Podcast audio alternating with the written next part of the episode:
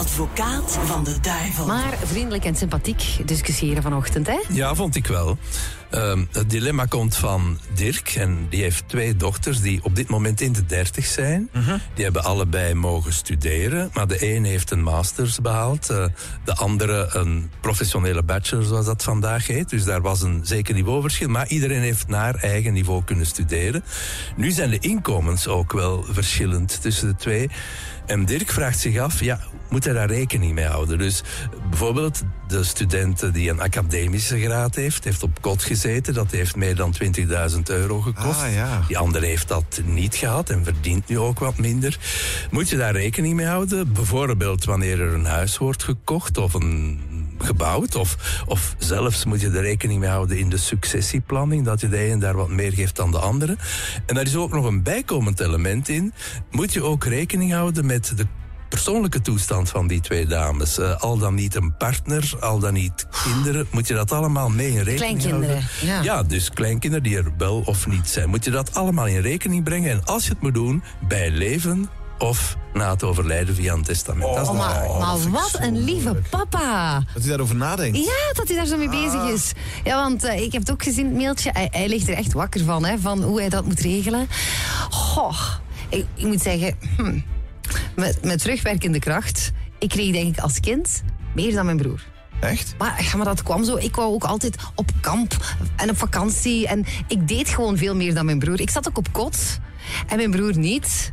Maar die heeft dan wel een auto, een klein auto gekregen om altijd eh, op en af te pendelen. Maar zo, ik, ach, ik denk, oeh, ik heb veel meer gekregen dan mijn broer vroeger. Maar die zei daar nooit iets van. Ik had dat zelf niet door toen.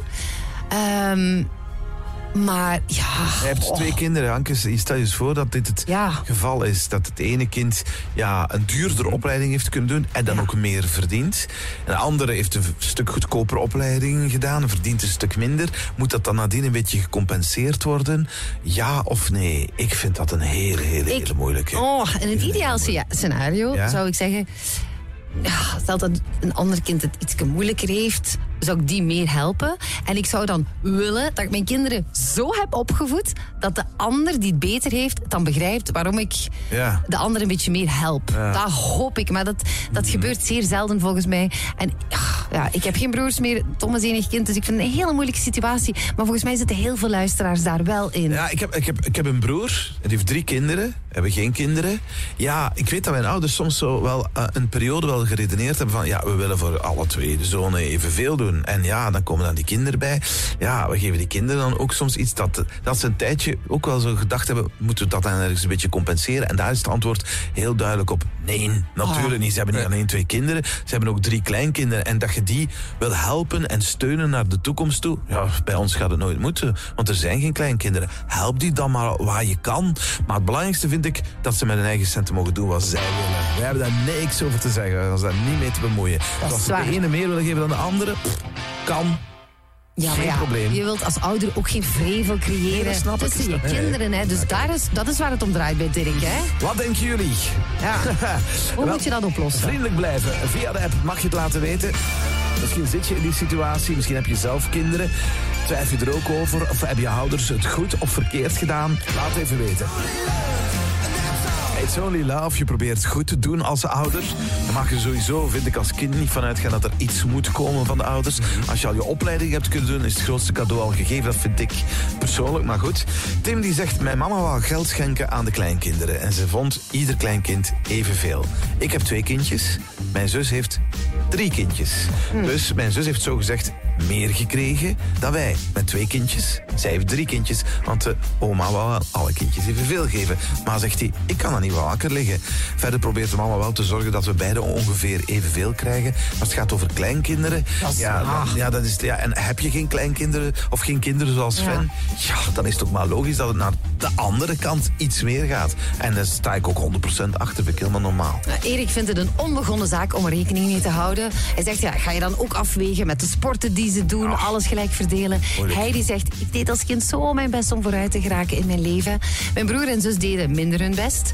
Mijn mama was meer bezorgd om hen, dus ik- zij hebben meer centjes gekregen. En dat heeft altijd veel pijn gedaan, Ja, zegt dat, ja, dat komt ook. Hè. Ehm, en er komt ook nog binnen, ehm, onze dochter heeft gestudeerd aan de hogeschool, buitenlandse stage gedaan.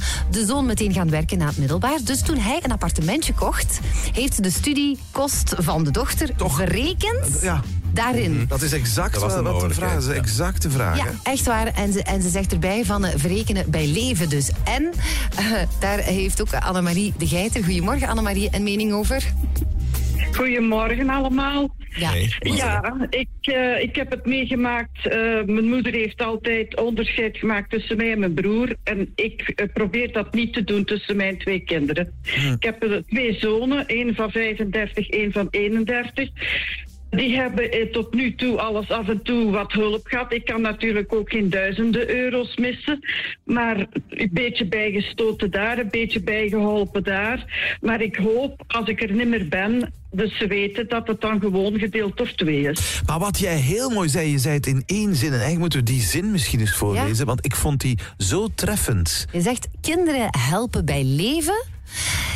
Evenwichtig bij overlijden gelijk. Nee, sorry, wacht. Nee, nee, Ik zei- bij- bij wacht, le- bij le- kinderen helpen bij leven evenwichtig en bij overlijden gelijk. Dat vind ik heel Voilà, goed. Wat ja. dat zegt, evenwichtig betekent dat je rekening toch houdt met verschillen en nuances. Maar als het helemaal ja, afgelopen is, dan krijgen ze hetzelfde. Nee, toch?